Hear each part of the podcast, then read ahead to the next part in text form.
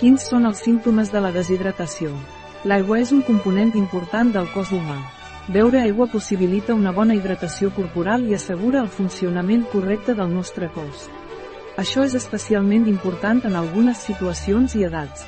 La deshidratació I és la pèrdua d'aigua I, quan el nostre cos no té tota l'aigua o els líquids que necessita, no pot realitzar les seves funcions de forma adequada, en condicions normals, el nostre organisme perd aigua constantment a través de la suor, les llàgrimes, l'orina i la femta.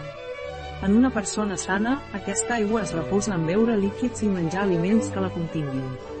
No obstant això, quan hi ha una pèrdua més gran o si no reposem la que perdem al llarg del dia podem patir deshidratació. En quin CASOS apareix el risc de deshidratació? La deshidratació apareix quan perdem més aigua de la que ingerim.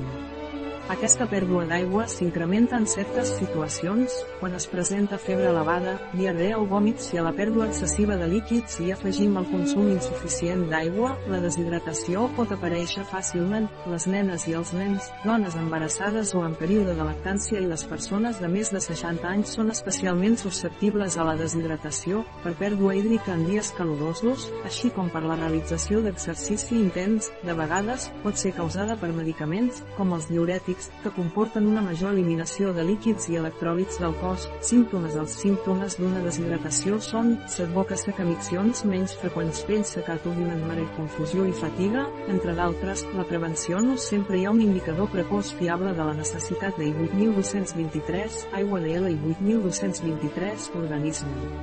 Hi ha persones, especialment les persones grans, que no tenen set fins que estan deshidratats. Per això és important avançar-se sempre a la set i proporcionar aigua al nostre organisme abans que ens la demani.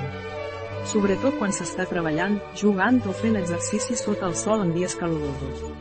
El tractament de deshidratació es classifica en lleu, moderada o greu basant-se en el percentatge de pèrdua de pes corporal, aquesta darrera necessita atenció urgent en un centre sanitari perquè pot arribar a ser mortal, a la deshidratació lleu, l'aportació oral de líquids pot ser tractament suficient. És millor subministrar sovint petites quantitats de líquid, especialment en nenes i nens utilitzant una cullera o una xeringa, en comptes de forçar-los a beure una quantitat gran de líquid d'una sola vegada, ja que això pot produir més vòmits d'aconseguida la tolerància, es pot incrementar el volum que s'administra gradualment, de vegades la ingesta d'aigua pot resultar insuficient ja que, a més d'aigua, perdem electròlit. Per això hi ha solucions de rehidratació oral que permeten reposar l'aigua i les sals i permeten recuperar-se l'organisme. Consells és important vigilar amb cura els malalts, especialment nadons, nens o persones d'edat avançada, en cas de sospitar-se un procés de deshidratació, cal cercar assistència mèdica abans que la persona desenvolupi una deshidratació moderada o severa, fins i tot quan la persona està bé de salut, ha de consumir prou líquid cada dia, especialment quan el clima és càlid o es fa exercici, font.